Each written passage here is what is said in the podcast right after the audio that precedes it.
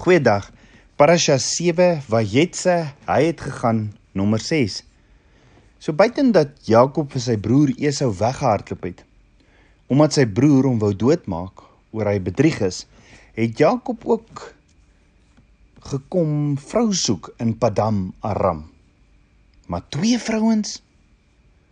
O God, en dan nogal twee susters en nogal twee susters wat konstant met mekaar kompeteer oor Jakob se aandag, sy tyd en sy intimiteit en waarvan een deur hom gekies is en bevoordeel eh, word. Dis twee vrouens wat die matriarg rol van Rebekka moet oorvat, maar sit in 'n baie ernstige maraton baba kompetisie tot die dood toe. Dit was beslis nie Jakob se plan nie, nee, want dit het al die bestanddele vir 'n groot groot ramp. Dis net die werk van die meester manipuleerder Laban homself. Want onthou Jakob woon in Laban se huis en as jy in sy huis woon waar alles gaan oor hom, moet jy met sy houdings en manipulasie saamleef want dis sy huis. Ja, die eienaar van die huis kan die reëls mos maak soos hy wil en dis en dit toepas soos hy goed dink. Hy kan die reëls ook verander soos hy wil en as dit jou nie pas nie, kan jy maar gaan. En Jakob kan nie teruggaan na sy vaderhuis toe nie. Daar's dinge ook nie lekker nie. So vir Jakob bestrek nie jy se opsie nie. Maar die woord sê in Genesis 29 vers 31 tot 32 en toe Jahweh sien dat Lea die nie geliefde was, het hy haar skoot geopen. Maar Rachel was onvrugbaar en Lea het bevrug geword en 'n seun gebaar en hom Reuben genoem want sy het gesê gewis Jahwe het my ellende aangesien want nou sal my man my lief hê. Jy sien dis nie my en jou plek om op 'n vader ooit te bevraagteken nie. Hy is die pottebakker en ek en jy nie die klei. Ek en jy moet hom egter vertrou dat hy alles ten goeie uitwerk vir die wat hom liefhet. Want in Romeine 8 vers 28 staan en ons weet dat vir hulle wat God liefhet, alles ten goeie meewerk vir hulle wat na sy voorneme geroep is. Sien al meng die vyand in met persone soos Laban in ons lewens. Al doen die vyand deur Laban wat hy wat hy doen, het Abba Vader altyd maar al, altyd 'n beter plan om alles ten goeie te laat uitdraai vir diegene wat hom liefhet, wat volgens sy doel geroep word. Dis hier waar die psalmdigter ons ook leer in Psalm 37 vers 1 tot 8: Wees nie tronig op die kwaaddoeners nie. Beny hulle nie wat onreg doen nie, want soos gras sal hulle gou verwelk en soos groen grasbytjies sal hulle voor, verdroog. Vertrou op Jahweh en doen wat goed is, bewoon die aarde en beoefen getrouheid en verlustig jou in Jahweh, dan sal hy jou gee die begeertes van jou hart. Laat jou weg aan Jahweh oor en vertrou op hom en hy sal dit uitvoer en hy sal jou geregtigheid laat voortkom soos die lig en jou reg soos die middag. Swyg voor Jahweh en verwag hom. Wees nie tronig op hom wat voorspoedig in sy weg is nie, op die man wat wat listige planne uitvoer nie. Laat staan die troon en verlaat die grimmigheid. Wees nie tronig nie.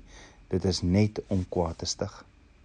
Met ander woorde, Abba Vader, die skrywer van sy woord, gebruik die uitdagings van ons voorvader Jakob om ons 'n hele paar kritieke lesse te leer in ons eie lewens. Want Abba Vader sê ook vir ons in Prediker 1 vers 9 wat gewees het, dit sal daar weer wees en wat gebeur het, dit sal weer gebeur en daar is glad niks niets onder die son nie. Maar Vader wil hê dat ons ten volle bewus moet wees van Jakob se ontmoetings en die lewe eh, lewenservarings wat wat met, met hom want sien die kosbare en die goddelike openbarings van hom is soveel dieper as wat ons dink. Met ander woorde die verhaal van Jakob gaan nie net oor Jakob nie, dit gaan ook oor ons. Jakob kon dalk toe Lia swanger geraak het gevra het maar maar wat nou? Ek is eintlik lief vir Rachel. Ek het haar by die put gesien. En en hy kon ook verder vir haar vader gesê het: "Vader, hoekom laat U toe dat dat dat dit met my gebeur? Hoekom laat U toe dat Laban my verraai en mislei met Lea in plaas van Rachel? Hoekom moet ek ook met Lea trou? En Vader, hoekom word Lea nou swanger?" En jy sien baie keer raak ons so vasgevang in ons situasies dat ons nie sien dat Abba Vader eintlik alles ten goeie laat meewerk vir die wat hom liefhet nie. Want sien Jakob weet dit nog nie, maar maar hy's die gekose bate van die Skepper van die heelal. Hy het die eersgeborene reg gekry vir 'n bak rooi goed. Hy moes weggehardloop het vir sy lewe en het gedink hy gaan vrou vind by sy ma se broer oom Laban, maar maar dis nie die ware rede waarom hy in Padam Aram is nie. Die eintlike rede vir sy aanwesigheid in in daardie deel van die wêreld is om 'n groot reddingsmissie uit te voer. O ja, Tabernakels kind van Abba, wie is ek en jy om op 'n Vader te bevraagteken? Want sien Jakob is onbewustelik gestuur om later vier vroue, Rachel, Leah, Bilha en Silpa en 11 kinders uit die kloue van Laban te red. Jy sien Laban kan skiem of gekonkel of mislei soveel as wat hy wil, maar as sy skems en gekonkel eh, al sy skems en gekonkel speel slegs in Abba Vader se groter plan in. Maar dalk vra jy vandag, maar maar hoekom laat Abba Vader dinge toe? Soos dit wat gebeur. Soos dit wat hier gebeur in die geval met Laban wat Jakob mislei het met Lea in plaas van Rachel. Hoekom laat Abba Vader dit toe? Ek meen Abba Vader weet alles en hy en hy kon dit tog gestop het. Abba kon dit gestop het dat dat Jakob met Lea trou. Hoekom laat Abba Vader dit toe? Of of was dit Jakob se verdiende loon omdat hy sy eie pa en broer so mislei het? Net so is die vraag ook hoekom het Paulus deurgegaan waar deur hy gegaan het? Want hoor gou waar deur het Paulus in sy lewe gegaan wat 75% van die Nuwe Testament geskryf het. In 2 Korintiërs 11 vers 24 tot 28 sê Paulus vir ons: "Vyfmal het ek van die Jode ontvang 40 houe op een na. Driemaal is ek met stokke geslaan, eenmal is ek gestenig, driemaal het ek skipbreek gelei, 'n nag en 'n dag het ek op die diep water deurgebring dikwels op reis in gevare van riviere en gevare van rowers en gevare van volk en gevare van die heidene en gevare van die stad en gevare van die woestyn en gevare op see gevare onder valse broeders in arbeid en moeite en slapelose nagte dikwels in honger en dors dikwels sonder ete in koue en naaktheid behalwe dit alles my daglikse bekommernisse die sorg vir die gemeentes Paulus is deur baie goed dit het swaar gegaan Hy het seer gekry. Dit was moeilik. Was dit Paulus se verdiende loon omdat hy soveel vervolgers van Yeshua vervolg het? Of hoekom het Abba Vader hierdie goed toegelaat in Paulus se lewe, net so in Jakob se lewe? Maar hoor gou-gou wat sê Paulus vir ons in Romeine 5 vers 1 tot 5 in die King James. Therefore, having been justified by faith, we have peace with God through our Lord Jesus Christ through whom also we have access by faith into his grace, in which we stand and rejoice in hope of the glory of God. And not only that, but we also glory in tribulations, knowing that tribulations produces perseverance, and perseverance character, and character hope. Now, hope does not disappoint because the love of God has been poured out in our hearts by the Holy Spirit who, who was given to us. Maar hoor gou weer wat sê Paulus. Glory in tribulations. Met ander woorde Paulus sê ons roem in verdrukking. Nou daar's twee Griekse woorde vir roem en die eerste een word die meeste gebruik wat beteken outshining. Dit beteken hoe Abba Vader skyn en dit is wat jy sien as jy Abba Vader sien. Die tweede woord woord word nie so baie gebruik vir roem nie en dit beteken rejoice. So wat Paulus eintlik hier vir ons sê is as hy sê ons roem in verdrukking is eintlik ons verbly ons in verdrukkinge. So wat in die wêreld maak dat verdrukkinge ons laat verbly? Waarvan praat Paulus? Nie een van ons wil mos opskrip opspring en sê jippie en bly wees oor verdrukkings nie. Maar Paulus sê verbly ons in verdrukkings. So Abba Vader leer my vier redes hoekom ons onsself moet verbly in verdrukkings en moeilikhede in tye wanneer wanneer dinge nie vir ons sin maak nie. Vier redes hoekom ons onsself moet verbly in verdrukkings. Nommer 1: Verdrukking produseer volharding. Jy sien ek en jy hoef nie vir verdrukking en moeilike tye te wens of te bid nie. Dit kom sommer van self. Yeshua sê in Johannes 16 vers 33: "In die wêreld sal julle verdrukking hê, maar hou goeie moed, ek het die wêreld oorwin." En dan sê Jakobus in Jakobus 1 vers 2 tot 3: "Ag dit loutere vreugde my broeders, wanneer julle in allerlei versoekinge val, omdat julle weet dat die beproewing van julle geloof lydsaamheid bewerk." Met ander woorde, beproewings produseer geduld. En verdrukking produseer volharding. So ons moet weet wat is die verskil tussen geduld en volharding? Beproewings en verdrukking.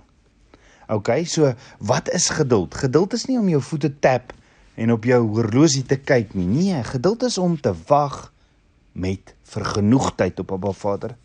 Geduld is om jou hart reg te hou terwyl jy wag vir iets. Geduld is om jou hart reg te hou deur moeilike tye. En hoeveel keer val ons nie net hier nie? Wat is volharding? Volharding is om die geveg te veg en terwyl ek veg te wag met vergenoegdheid. Met ander woorde, volharding betrek 'n oorlog, 'n geveg of iets moeiliks. Dan 'n beproewing is kort, maar verdrukking is lank. Met ander woorde, volharding is 'n lang en moeilike beproewing. Is dit nie net so bemoedigend om te weet dat lang en moeilike beproewing volharding kweek nie? Hoekom? Want volharding is die enigste ding in Abba Vader se woord wat sê dit produseer karakter. Daar's niks anders in Abba Vader se woord wat sê dit vervaardig karakter nie. Volharding produseer karakter. So beproewings en verdrukking produseer volharding en ver, en verdrukking is 'n lang beproewing. Jakob moes 14 jaar vir sy skoonpa werk.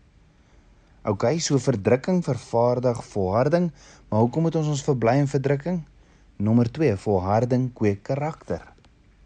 Regdeur Abba Vader se woord is daar net een manier hoe jy karakter kan kry en dit is deur volharding. Jy sien baie mense wil karakter bekom deur na iemand te kyk wat karakter het en vir hulle te vra om vir jou te bid. Maar nee, dis nie hoe jy karakter bekom nie. Vir my en jou om karakter te kry, moet ons deur 'n lang en moeilike verdrukking of beproewing in jou lewe gaan. Volharding in hierdie lang moeilike tye en vashou aan Abba Vader dat sy lig deur jou skyn waar jy ook al self bevind is wat karakter produseer en wat dan sal maak dat ek by die droom sal kom en lewe wat Abba Vader vir my en jou het. Hoor gou-gou. Dit is Abba Vader se genade dat hy my en jou nie bevorder voor ons reg is om die droom te vervul nie. Want anders gaan ons val.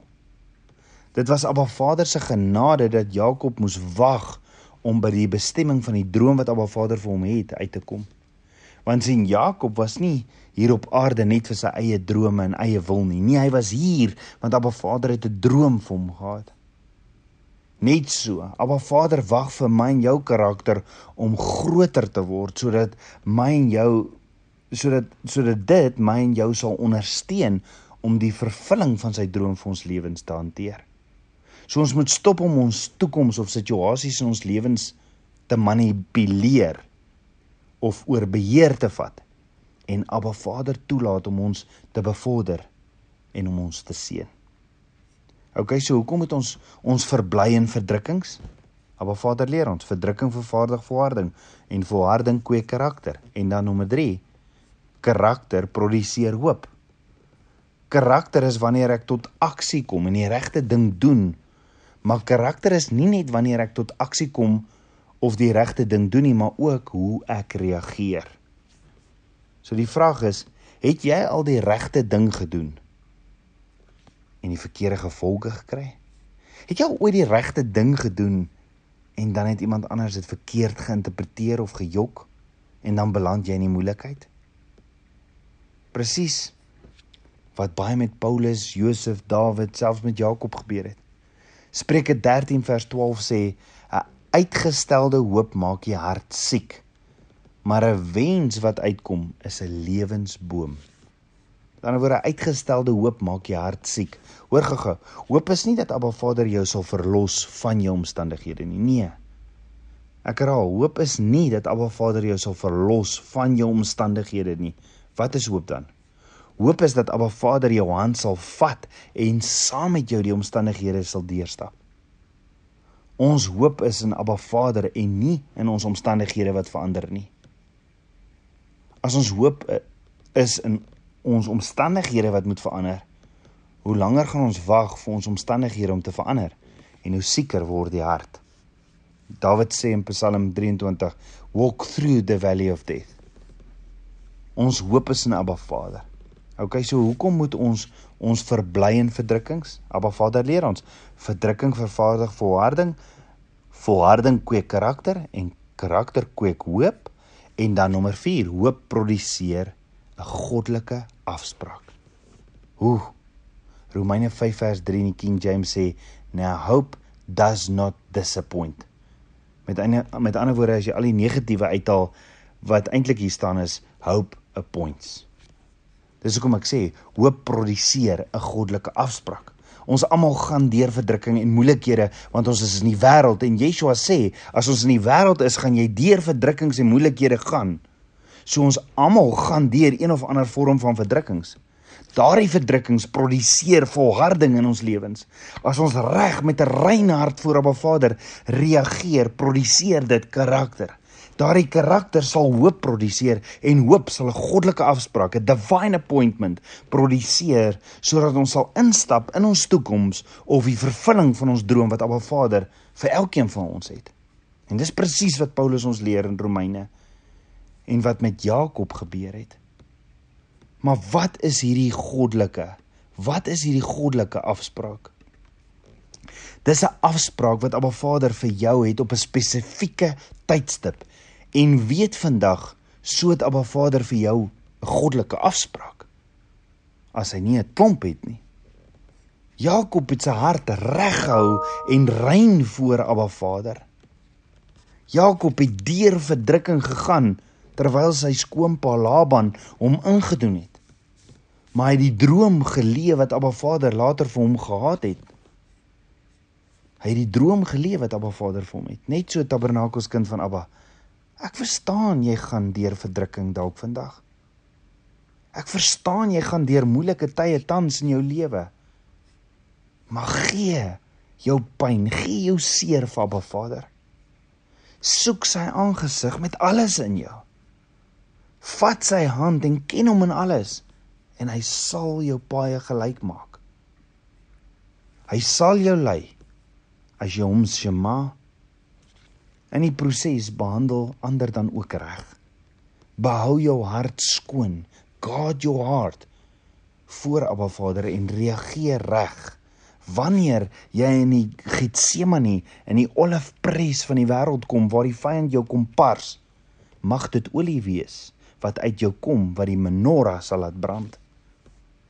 As jy agter as jy egter reg reageer, sal jy volharding ontwikkel en daai volharding sal karakter produseer en die karakter hoop en die hoop 'n goddelike afspraak en Abba Vader sal saam met jou deur die vuur gaan na die vervulling van die droom wat Abba Vader nog altyd vir jou het want hy werk alles ten goeie uit vir die wat hom liefhet. Kom ons bid saam. Abba Vader skieper van my hart, ek loof en ek prys U Vader, dankie, dankie dat ek soos Jakob kan vaskleef aan u woord.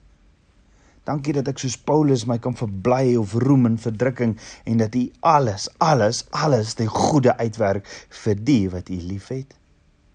Vader, vergewe my my ongeduld en kom was my met die waterbad van u woord. Meer en meer van u. Ek bid dit alles in Yeshua Messie se naam, die seun van Jahweh. Shalom.